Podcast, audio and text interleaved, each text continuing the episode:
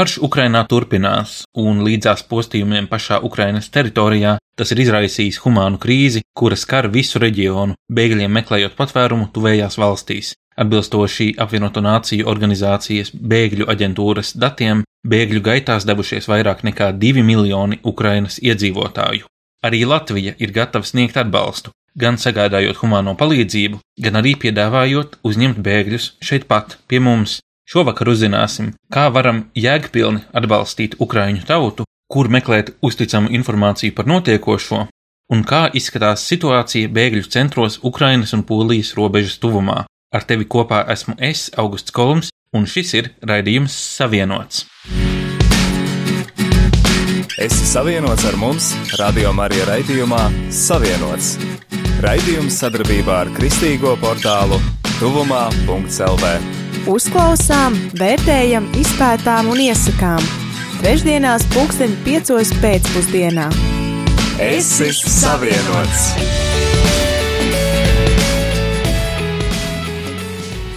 Rubrika Ieklausāmies! Ar tevi raidījums Savienots! Šovakar raidījumā savienots mums ir radio arī Latvija programmas direktors Pēteris Skudra, tēvs Pēteris Skudra un man kolēģe no Kristīgības vai izpētes fonda valdes Krista Papēde. Vakar. Notikumi, protams, norit strauji, un šis raidījums skan trešdienas vakarā, bet mēs ierakstam to kādas dienas pirms. Kāda ir situācija šobrīd? Kā jūs komentētu to, kas pašlaik notiek? Jāsaka, protams, ka situācija mainās ļoti strauji, un ja vēl pirms nedēļas šķita, ka tas salīdzinājums, ka situācija mainās pa stundām, varētu būt iespējams nedaudz dramatizēts. Tad, protams, skaidrs, ka šobrīd tā arī ir. Sesdiena, tātad, kad mēs šo raidījumu ierakstām, protams, ir pienākusi ar vairākiem tādiem nepatīkamiem pavērsieniem attiecībā uz Krievijas karaspēka un tad arī militārās vadības domām par to, kā interpretēt humanās palīdzības koridorus. Tāpēc, nu, ļoti nepatīkam, protams, šorīt pārsteidz, domāju, ka visu civilo sabiedrību tas, kā bija vienošanās pabeigt par apšaužu izbeigšanu Dienvidu austrumu Ukrainā atsevišķās pilsētās, lai tad izveidot tos zaļos koridorus, bet Nu, diemžēl šī noruna no Krievu karaspēka puses nav tikusi ievērota un apšaudas ir turpinājušās, tas nozīmē, ka sestdienā principā ir turpinājusies vēl arī griezt šī te nu, humānā krīze, kas jau ir nu, diezgan samilsusi dažādos aspektos dienvidu austrumu Ukrainā. Tas droši vien ir tāds dienas viens no bēdīgākajiem notikumiem, neskatoties uz to, jā, ka varam tikai turpināt droši vien apbrīnot kopējo Ukraiņu tautas pretestību, arī to, ka, piemēram, šorīt bija ziņas par to, ka ir jau vairāk nekā 66 tūkstoši Ukraiņu no ārvalstīm atgriezušies savā dzimtenē. Un, jā, tie ir ļoti iespaidīgi skaļi, un, un tas ir tikai apbrīnojami, kā visa sabiedrība dažādos līmeņos turpina iesaistīties, aizstāvot savu dzimteni. Es gribētu ar jums parunāt par to, kā mēs šeit, Latvijā, paužam savu atbalstu Ukrainai. Tāda mazā lietiņa, ko tagad, laikam, gan izveik viens ir izdarījis, ir šis mazais Ukrainas karodziņš uz Facebook profila bildes. Vai, teiksim, šodien, tas, nu, sestdienā, kad ierakstām šo sarunu, bija arī gājiens Ukrainas atbalstam, un tā iela Rīgā, kur atrodas Krievijas vēstniecība, tiek pārdēvēta par Ukrainas neatkarības ielu. Šie mazie simboliskie solīši ir it kā jauki, bet man par tiem ir dalītas jūtas, jo tie ir, nu, Tie ir tikai simboliski. Atzīšos, ka es arī vilcinājos pat ar to karodziņu profilu bildē, jo neatstāja tā sajūta, ka tā ir nu tāda darbības imitācija vai sekošana pūlim. Nu, no otras puses, protams, šajā jautājumā mums ir jābūt vienotiem. Tieši vienotības vārdā bieži tīšprāt cenšos šādos veidos nenostāties kādu jautājumu vienā vai otrā pusē. Es par to arī esmu rakstījis pagājušā gada sākumā, par to, ka šādu identitātes zīmju uzlikšana visbiežāk nu, nav gluži tas labākais varbūt jautājums par Ukrainu tādā ziņā ir izņēmums, jo šeit nevar runāt par kaut kādu neutralitāti vai par to, ka abās pusēs ir labi cilvēki, kuriem tikai kopīgi jāatrod risinājums. Bet, ja es uzlieku to karodziņu un tad es jūtos, ka nu, es esmu savu izdarījis, tas ir kā tas, nu, tas interneta mīmஸ், kur tās slīkstošai rokai kāds pasniedz roku, lai uzsistu pieci, un ar to arī līdzējiem cita palīdzība netiek sniegta. Kā jūs komentētu šo? Ir vērtīgi šie mazie palīdzības simboliņi, vai tas ir tikai virtue signaling, kā to sauc angliski?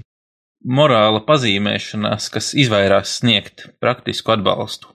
Es domāju, ka uz to lietu jāskatās ļoti kompleksi. Mēs, mēs nevaram to atraut, jo ir jāņem vērā, piemēram, cilvēku psiholoģiju. Es domāju, ka arī katrs mēs, kas ceturtdien no rīta pamodāmies un droši vien viena no pirmajām lietām, ko mēs izdarījām, atvērām Facebook vai Instagram vai ziņu portālu un redzējām visu šīs satriecošās ziņas, un daudzi no mums mēs bijām šokēti, un daudzi no mums, un es pieļauju, ka mēs visi izgājām cauri tādai varbūt bezpalīdzības sajūtai, un otras puses tādai, nu, tā vairs nav, nu, kaut kāda kara darbība, par kuru mēs lasām, nezinu, Meksikā vai Irākā vai kaut kur, kas ir, nu, tā gana tālu, un šeit mēs redzam, ka tas notiek tuvu. Iespējams, ka mums gan Krievijā, gan Ukrainā, gan Baltkrievijā ir draugi un paziņas, un iespējams, ka visās trijās šajās valstīs ir draugi un, un paziņas un ģimenes locekļi. Iespējams, es pats pazīstu ģimeni, kur vīrs ir Krievs un sieva ir Ukrainietē, ja, un viņiem ir kopīgs bērniņš, un viņi arī kopā lūdzās par šo mieru pasauli. Un ko mums tagad darīt? Un es domāju, tas ir līdzīgi tāpat kā cilvēks, kurš sastopās ar kādu savu tuvinieku, kas mirst vai kas ir ar kādu nedziedināmu slimību. Mūsos ir bezpalīdzības sajūta, un tā liek mums justies traņķīgi.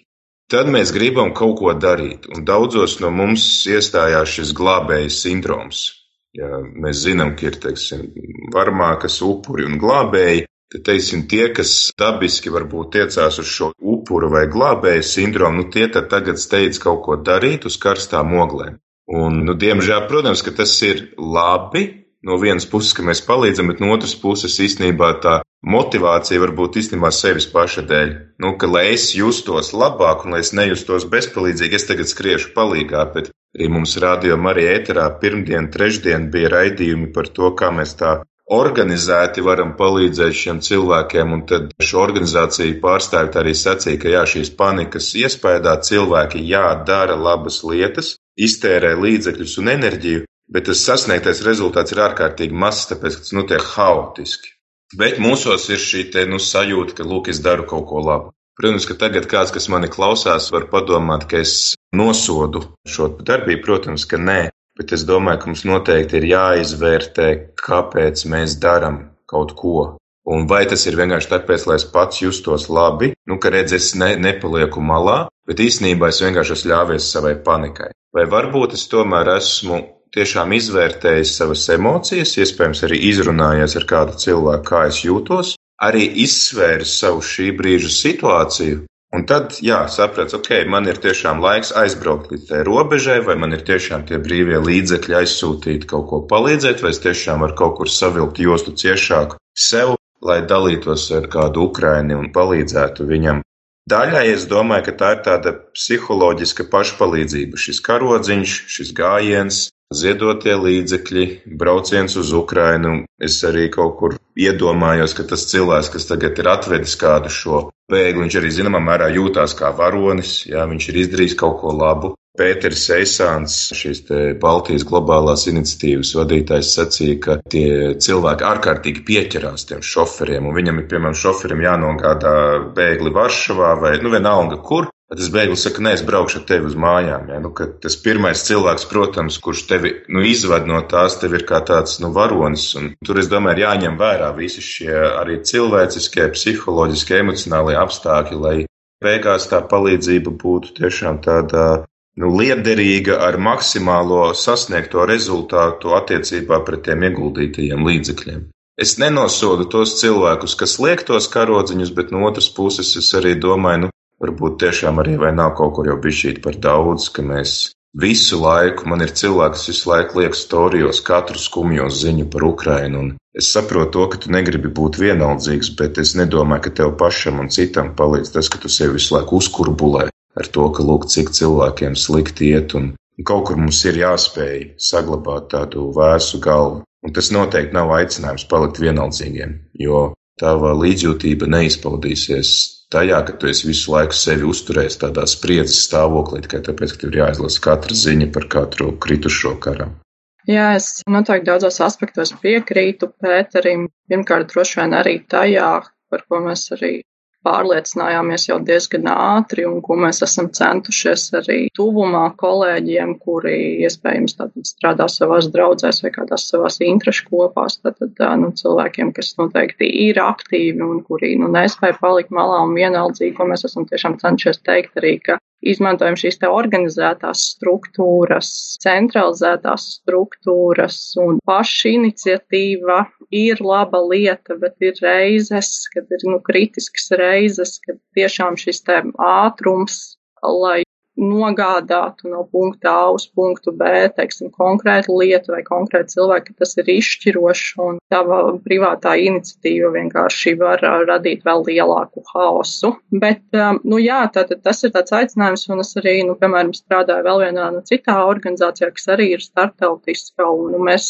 piemēram, arī nedēļas vidū satikāmies un gribējām saprast, piemēram, kā mēs šeit kā Latvijas organizācija varētu iesaistīties ir ļoti daudz resursu, kas ir šeit centralizētie šeit Latvijā, bet, nu, protams, arī ir tā vilkme, lai saprastu, teiksim, kā mēs varam maksimāli palīdzēt tur Ukraiņus izdabūt ārā un tam līdzīgi. Bet, tā, nu, piemēram, šajā mūsu starptautiskajā organizācijā atceroties arī, ka mums ir tātad cilvēki arī no valstīm, kas ir Ukraiņas robežu valstis, kā Polija, kā Rumānija, kā Moldova, ka tiešām mēs nu, palikām pie uzskata, ļausim šiem cilvēkiem strādāt, viņi ir izveidojuši pa šīm to brīdi, nu, teiksim, teju nedēļas, teiksim, nu, vai piecām dienām, teiksim, jau gatavu sistēmu, kur iejaukties tikai tādēļ, lai arī būtu šī Latvijas pārstāvniecība. Nu, tas nav īstais piemērotais brīdis, un to noteikti arī jau Pēters citi, citi kolēģi arī, kas ir runājuši, vēl lasījuši arī, ko saka šie cilvēki, kas ir ar lielu pieredzi humanās palīdzības sniegšanā un krīžu risināšanā, kad šobrīd mums droši vien, tas ir tas emocionālais, kad, piemēram, ceturtdien aizgāju no rīta, teiksim, uz darbu, tā kā tad nostrādāju darbā un tad atnācu vakarā, sāku skatīties ziņas sižets un sapratu, ka tas notiek pa īstam, un tad tas pirmais ir tiešām tas, ka kaut ko vajag fiksi izdarīt, tā kā, nu, man arī, man arī.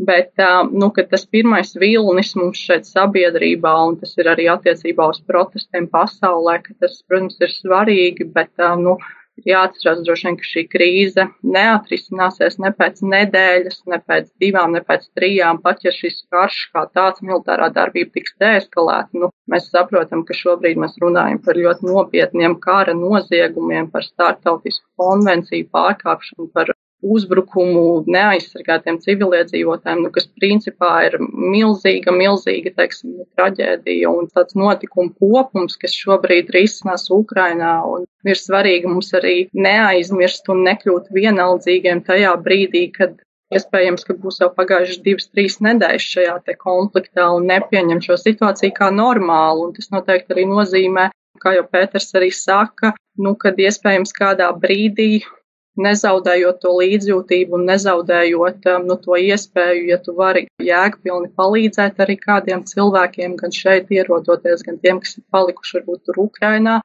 kad ir jānovelk kaut kāda robeža, lai tu neiztērē visu šo savu arī to emocionālo resursu jautājumos, kurus tu nevari tieši ietekmēt, jo skaidrs, ka nu, tos notikumus kara laukā mums nu, ietekmēt, protams, ir ļoti maz iespējamība. Tāpēc nu, droši vien fokusējamies kaut vai uz dažām lietām, bet izdaram līdz galam, kur mēs tiešām varam varbūt atbalstīt vienu, divus cilvēkus, varbūt kādu ģimeni, bet nu, tas ir tā mērķiecīgi un līdz galam, un tad mēs pārliecinamies arī, ka tas atbalsts viņus ir sasniedzis un problēma kas ir radusies tajā attiecīgajā brīdī, ir atrisināta. Es gribu papildināt kolēģis sacīto par to, ka arī šīs organizācijas atgādina to, ka pat ja kara darbība izbeigsies, tā inerce vēl būs ļoti ilga un Es domāju, ka mums ir jāspēj tā padomāt ilgtermiņā, lai mēs spējam palīdzēt Ukraiņiem. Nevis tagad, šobrīd, tā vienkārši tāpēc, ka tas mums dod to sajūtu, ka mēs kaut ko darām. Tur būs vēl nu, gadiem, kaut vai elementāri, ja kara darbība beidzās, būs jāpalīdz atjaunot sagrautos namus un droši vien medicīnas iekārtas slimnīcām, ievainoto aprūpe, psiholoģiskais atbalsts, bērniem kaut kādu nometņu nodrošināšana viņiem būs ļoti nu, smagas psiholoģiskas traumas. Mēs atkal faktiski varam redzēt, ka vairākas paudzes šobrīd atkal tiek atliktas tādā nu, traumatiskā režīmā, un tas ietekmēs vēl nākamās paudzes, kuras augs pie šiem traumētajiem cilvēkiem un dzimst. Kā, nu, jā, saglabāt tādu mieru un raudzīties, kā mēs varam pēc tam arī palīdzēt Ukrainai pēc gada un pēc diviem, kad tas būs nepieciešams. Es vēl tad noslēgumā gribētu pajautāt, tagad klīst internetā daudz informācijas un mēdījos klīst informācija par to, kas notiek, kur jūs saņemat uzticamu informāciju. Piemēram, no vienas puses, varbūt tā klasiskā lieta, ko mēs apzināmies, ir visa Krievijas dezinformācija, kas ir tāds nacionālais sports, varbūt viņu valdībai, bet tikpat labi arī, piemēram, ir šīs te leģendas par Kievas spoku, kas man šķiet vēlāk izrādījās datorspēles video fragments, kas tika prezentēts vietām kā īsts pilots, kurš nošķēra Krievu lidmašīnas, vai arī šis te stāsts par tiem Čūsku salu sauc to vietu, kur šie karavīri brīnišķīgi pasūtīja kara kuģi, bet viņi netika nonāvēti, bet beigās tika saņemti gūstā, ja man aktuālā informācija ir pareiza, un informācija, protams, mainās. Kur tad jūs saņemat aktuālu informāciju? Man pašam, es pieņems, ir padalīties tas, ko esmu atradis, ir liveuamap.com, kur ir live bloga veidā no Twitteriem un no citiem avotiem tiek apkopot pieejamā informācija, bet nu, viņi ir ātra, tāda operatīva informācija, ne viss tiek uzreiz faktčekots, un, protams, ir grūti saņemt informāciju, gribas reaģēt ātri uz notiekošo, un mums kā mēdījiem, protams, arī gribas uz visu, visu šērot visu, kas notiek, bet tajā pašā laikā ir tā atbildība, nu, ka mēs nevaram vienmēr visu pārbaudīt. Viss, kas notiek arī mēdījiem, nav viegli tur darboties. Nu, mums, mums nav žurnālists Ukrainā, radio arī varbūt ir partneri Ukrainā, Kāda ir, jā, kā jūs pārbaudat informāciju, ko jūs atzīstat par patiesu, kā jūs čekojat? Jā, es pats šobrīd nogaidu ar jebkādas ziņas šērošanu. Pirmkārt, es esmu samazinājis ļoti nu, to ziņu lasīšanu par Ukrainu, tāpēc, ka tās ir ārkārtīgi daudz, ārkārtīgi daudz ziņas. Vienkārši, lai saglabātu šo savu, nu, kaut kādu iekšējo līdzsvaru, kā es arī minēju, es teiksim, krītu panikā. Es pats nevaru vairs savu ikdienas darbu darīt, un tas nepalīdz ne ukrāņiem, ne tiem cilvēkiem, kuri iegūst kaut ko no mana darba. Un otra lieta, ja es nesteidzos vairs dalīties ar netraģiskajām ziņām no Ukrainas puses, ne arī tur kaut kādām pārsteidzošām ziņām, kas tur varētu būt prokremliskas, jo, nu, diemžēl tā ir, ka Un abas divas ir slāvu tautas, un mēs zinām, ka slāvu cilvēki ir ārkārtīgi emocionāli un tādi karstasinīgi, vai ne? Un tur pirmajā brīdī tu vari izlasīt kaut kādu super satraucošu ziņu, un pēc tam saprast, ka, ah, nu, ok, tas bija, lai sabiezinātu krāsas, varbūt skaistu, labu mērķu vārdā, jā, bet tas, tas tā ir mana taktika. Bet es pats uzticos vienam Delfu rakstam, kas dod tādus piecus soļus, kā pārbaudīt materiālu autentiskumu, un tas rakstā arī saucās pieci soļi, kā pārbaudīt materiālu autentiskumu. Tad, kad es padalījos ar šo rakstu, tad kāda mana paziņa, kas ir saistīta arī bišķīt starptautiski, tur viņi bija bišķīt iesaistīti arī Baltkrievijas konflikta risināšanā, un tā, nu, tādās starptautiskās organizācijās te viņi teica, ka tādas ticami fakti par situāciju Ukrainā ir atrodami reliefweb.int. Es, teiksim, viņai uzticos šobrīd, un, protams, arī tevis minētie augusta kolēģi Ukrainā, jo tur arī Rādio Marija jau šķiet 12 vai 13 gadus, un viņi, protams, nenogurstoši turpina veikt savu darbu un sniegt eh, cilvēkiem šo garīgo emocionālo atbalstu. Un, protams, viņiem nav laika atbildēt uz visām ziņām, tā, bet tik pa laikam viņi uzraksta. Bet, nu, no otras puses, nu, ko, nu, karš turpinās un ir nežēlīgi, un lūdzieties, pamatā tā arī ir tā, nu, visu vēsts, ko mums vajadzētu zināt. Pārējais tas, ka rekur jau kaut kur Ukrāņi var doties pretuzbrukumā vai vēl kaut kas, nu, tās, tās, es domāju, ir nianses. Jā, nu, es domāju, ka tas tāds ik rīta un reizēm arī agrāk kādā naktas stundā varbūt pamostoties. Kā jau mēs zinām, tad pēdējā nedēļā mums tā galvenā ziņa bieži vien ir bijusi, ka Kīja ir noturēta, kas ir tāds ļoti gan simbolisks, gan arī visam šim kara gaitai tāds ļoti strateģiski nozīmīgs aspekts. Nu, es šajā ziņā laikam esmu diezgan tāda tradicionālā un turpinu uzticēties tiem vēsturiski tradicionālajiem mēdījiem, kuriem ir tomēr ļoti liela pieredze reportāžās no šīm kara darbības vietām. Un, nu, tad, tad galvenais, es domāju, ka viens no, viens no tiem, kas arī sniedz tādus diezgan sakarīgus atspoguļojumus, varbūt, ka tur reizēm nav minūte minūtē, bet tad ir lielāka ticamība, ka šie apgalvojumi ir pārbaudīti. Tas ir tāds BBC news. Viņi ļoti labus apkopojumus gatavo reizi stundā. Varbūt ir kādi divi, trīs materiāli, kas ir jaunās ziņas, un tad tu vari aiziet, kā, ja tu gribi palasīt kaut ko vairāk.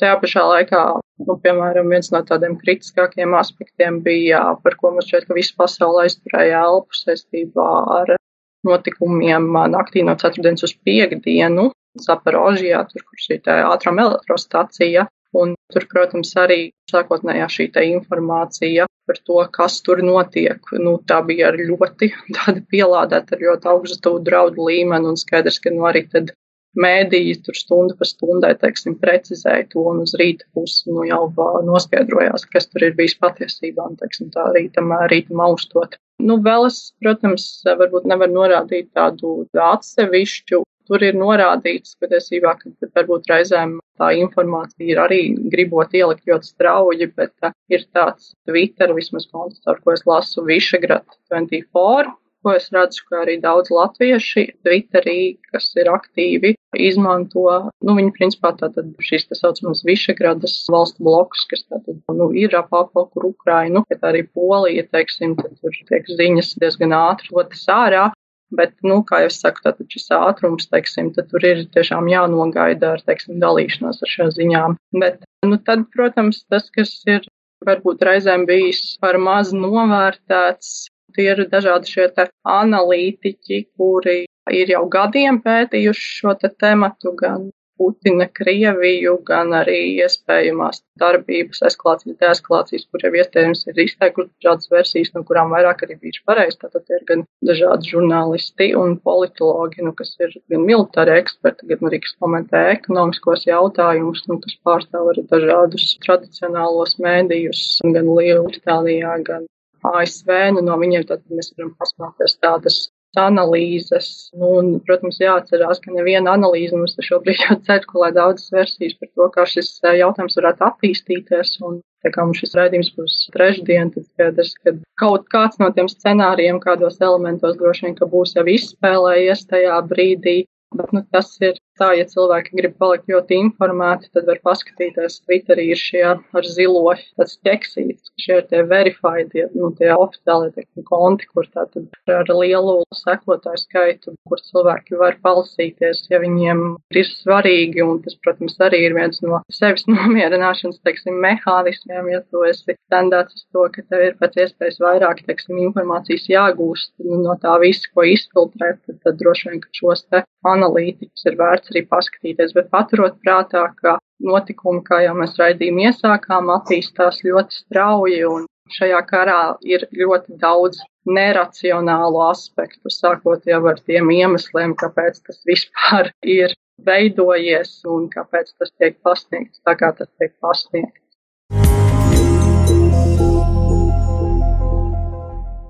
Kopā ar mums bija priesteris Pēteris Skudra, Radio Marija Latvijas programmas direktors, un Krista Papēde no Kristīga dzīvesveida izpētes fonda. Pēc mirkļa tiksimies rubrikā Izpētām, lai iepazītos ar kādu ticības brāli, kurš ir bijis uz vietas pie bēgļiem netālu no Ukrainas robežas.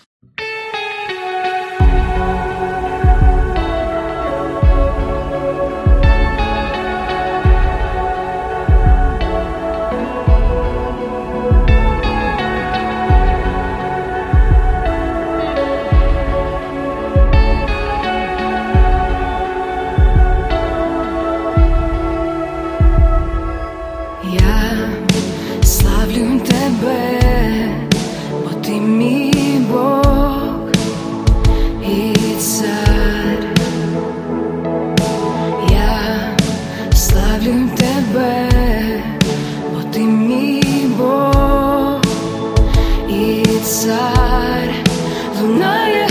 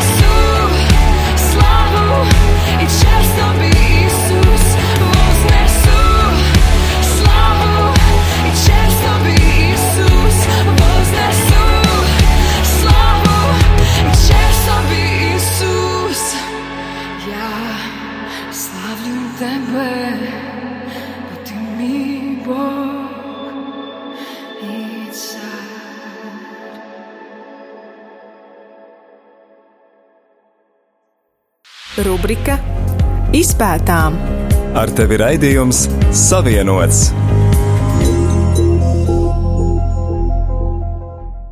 Rubrikā Izpētām tiekamies ar Rolandu Kalniņu no Rīgas Jēzus evaņģēliskā lutriskās draudzes. Rolands tikko ir atgriezies no bēgļu uzņemšanas centra pie Ukrainas robežas. Sveiks, Roland! Jā, august. Pastāst par šo braucienu, no kurienes radās ideja un kā jūs līdz tam nonācāt. Es personīgi to uzzināju no mūsu draudzes ļaudīm, ka Pēters Eisāns ar savu misijas grupu ir izteicis tādu aicinājumu sniegt Ukraiņiem palīdzību, kas atrodas bēgļu gaitās, kas nāk no Ukrainas uz Eiropu vēlās tikt. Nu, lūk, mēs atsaucāmies. Kopā mēs savācāmies kā piecas mašīnas, un uh, trešdienas vakarā sapakojām iekšā pilnus busiņus ar mantām un devāmies ceļā. Un kāda ir situācija tur uz Ukrainas robežas?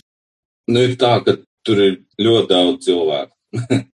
Arī ļoti, ļoti daudz lietas jau ir savestas tur. Es pat teiktu, ka šajā pusē, Polijas pusē un arī Ukrainas tanī pusē, kā es dzirdēju, trūkumu neviens necieš. Tur ir savests tiešām ļoti daudz ēdienas, ļoti daudz dažādas lietas maziem bērniem, drēbes, guļamaisi, nu, viss iespējamais. Poļi ir ļoti labi un brīnišķīgi norganizējuši gan bēgļu centros, gan pa ceļam benzīna tankos ir dažādas ēstuves uztaisīts, kur var apstāties un vienkārši pa brīvu cilvēku var nākt un ēst un atpūsties un dabūt kādu kafiju vai visu, kas nepieciešams, arī kādas drēbes, jebko. Mēs arī aizvedām lietas, diezgan daudz, mūs atbalstīja gan mūsu draugs diakonija, gan cilvēki saziedoja vajadzīgo, gan arī labdarības lapa. Mums iedeva diezgan daudz līdzi dažādas lietas, sākot no ēdieniem, beidzot bērnu higiēnu, precēm un visādas tādas vajadzīgās lietas. To mēs visu aizvedām uz turieni. Mēs tur nebraucām vienkārši to tā izdalīt uz ielas cilvēkiem, bet tanī pilsētā, tā pilsēta saucās Helma, Polijā viņi ir pie paša robežas, tur ir baptistu baznīca. Un tas ir tāds kā centrs izveidots, kur šie ukraiņi tad tiek uzņemti, viņi tiek paēdināti, viņiem dod iespēju tur izgulēties, nomazgāties, un arī palīdz tad koordinēt viņiem, kur viņi tālāk var doties un apmesties dzīvot.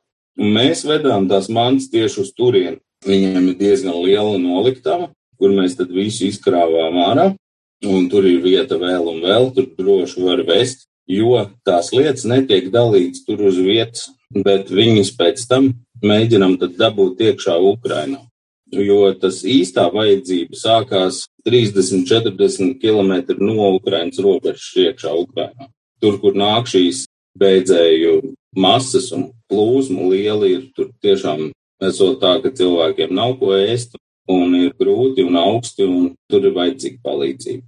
Tālūk. Vai tev izdevās aprunāties ar kādiem no šiem bēgļiem? Jā, jā, protams, jā.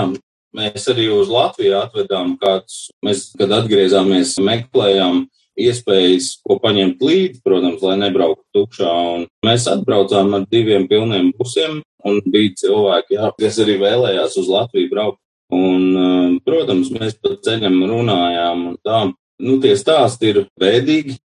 protams, kā jau nekas tur priecīgs nav, vai ne? Tās ir uh, sievietes ar bērniem. Mūsu gadījumā mums bija viena pavecāka kundze ir pieņemta mazu meitiņu. Vīrs viņiem palicis mājās, tāpat kā visi draudzes vīri, viņi no vienas baptistu baznīcas arī nāk netālu no Kievas, dzīvo Kievas piepilsētā. Un visi vīrieši ir palikuši un būvē tā saucamos bloku postus, lai aizsargātu un gatavo molotovu kokteļus un, nu, kā jau viss, kas tur ir vajadzīgs, kā jau viņi tur visu to dara. Bet šīs sievietes tad ir kaut kā mēģinājuši tikt uz Poliju un tas, nu, ir izdevies. Bet tie stāsti diezgan briesmīgi. Viņi no sākuma brauca vilcienu, un tad viņi stāstīja, kā šausmīgi spiežās cilvēki iekšā, jo iedomājieties kupei, kur ir paredzēts četriem cilvēkiem vietu, tur bija jāiespiežās ap 17, eh, 20, un tā viņi tur cita, piemēram, viena sieviete centrā bija, kur pazaudēja savu bērnu pa ceļam, 12 gadīgu, un viņi tā arī viņu neatrada. Neviens nezina, kur viņš ir, un viņi visu laiku sēž un raug tur. Un tur arī daudz bērni bija, un mēs tur naktī, tur tāda liela zāle, viņi visi ir izguldīti tajā zālē. Mēs arī tur apgulāmies uz kādām stundām, tad nebija ko vest. Un tā gulēšana diezgan labi nesanāk, jo visi tie bērni ir ļoti traumēti un cietuši. Viņi kliedz pa brīžam naktī, un tas tiešām bija tā, nu, tādu es nebiju piedzīvojis neko. Tie cilvēki, kuri brauc uz Latviju, kur viņi tiek izmitināti? Šie cilvēki, kurus mēs atvedām, viņi bija konkrēti jau sazinājušies caur draugiem ar kādiem cilvēkiem, kas viņus uzņems, tad arī viņus mēs pie tiem arī konkrēti vedām. Bet uh, ir arī iespēja droši vien braukt tāpat. Es esmu dzirdējis, ka pašvaldības ir gatavas atvēlēt kādas vietas un palīdzēt, vai ne?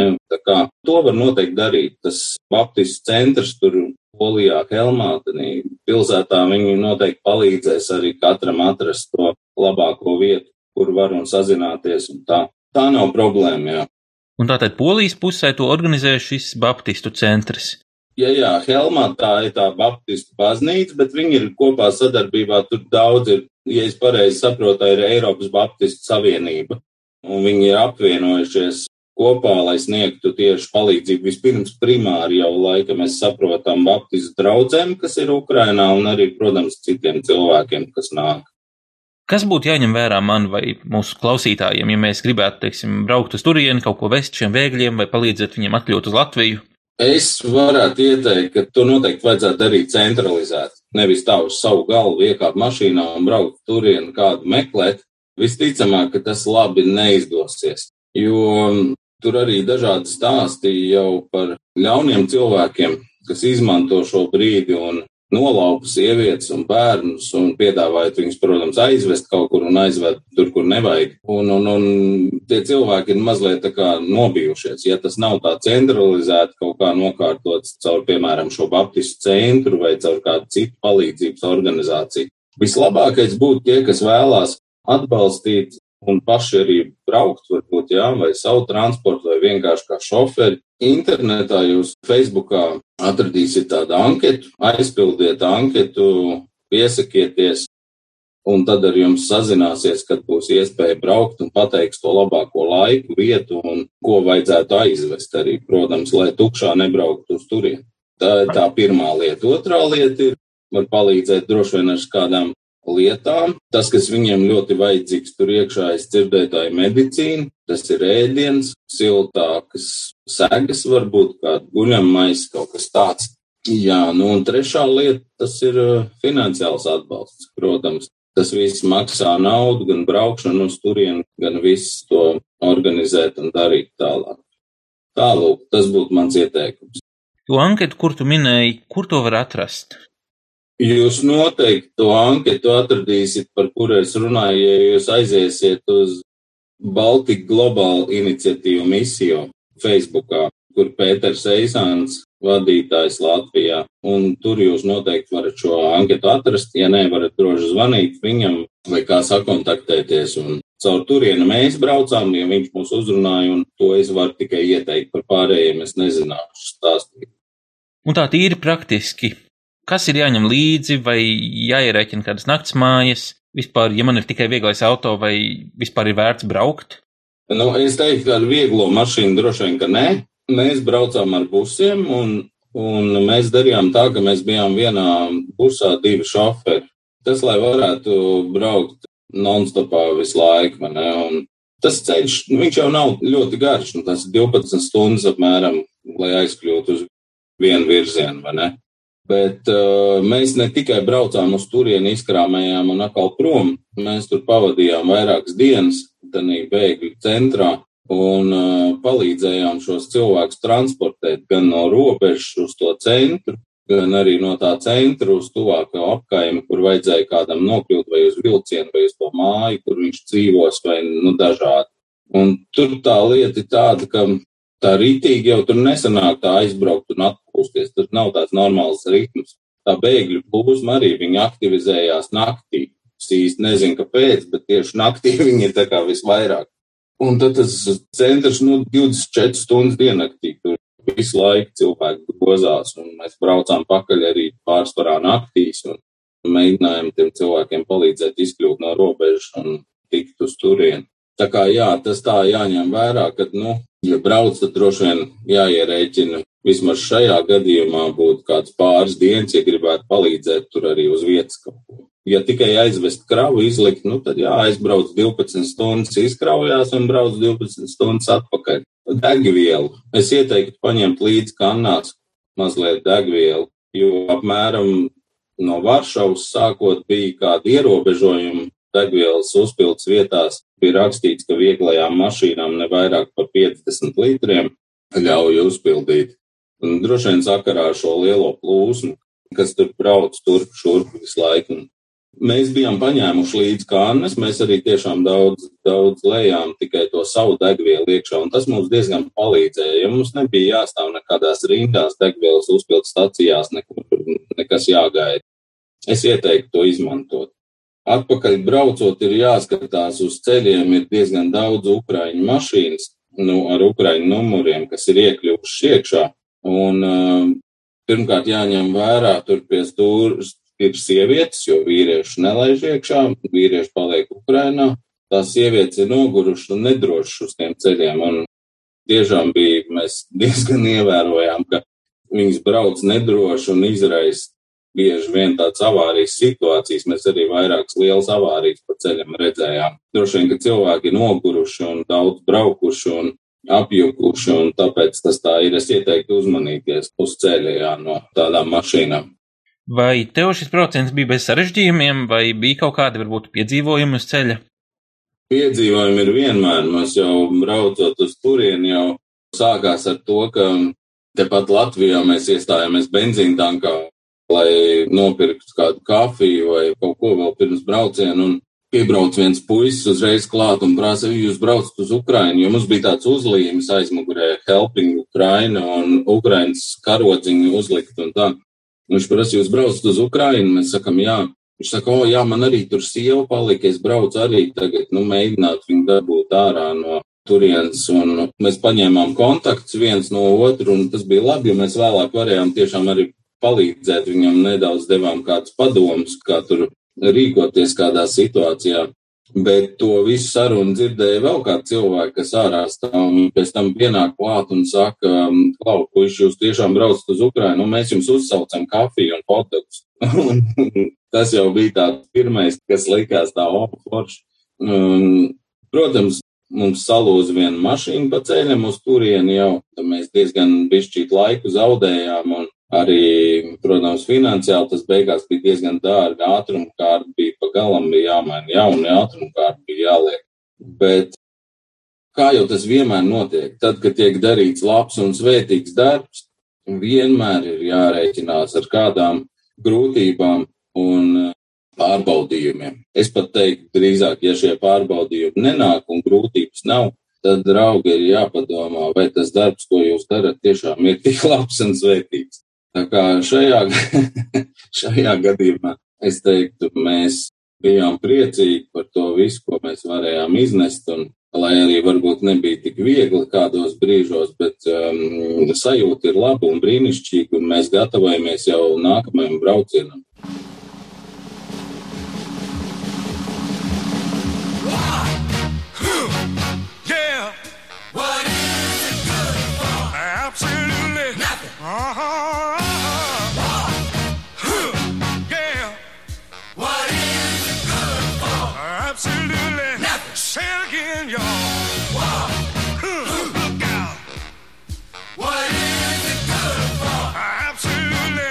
to me.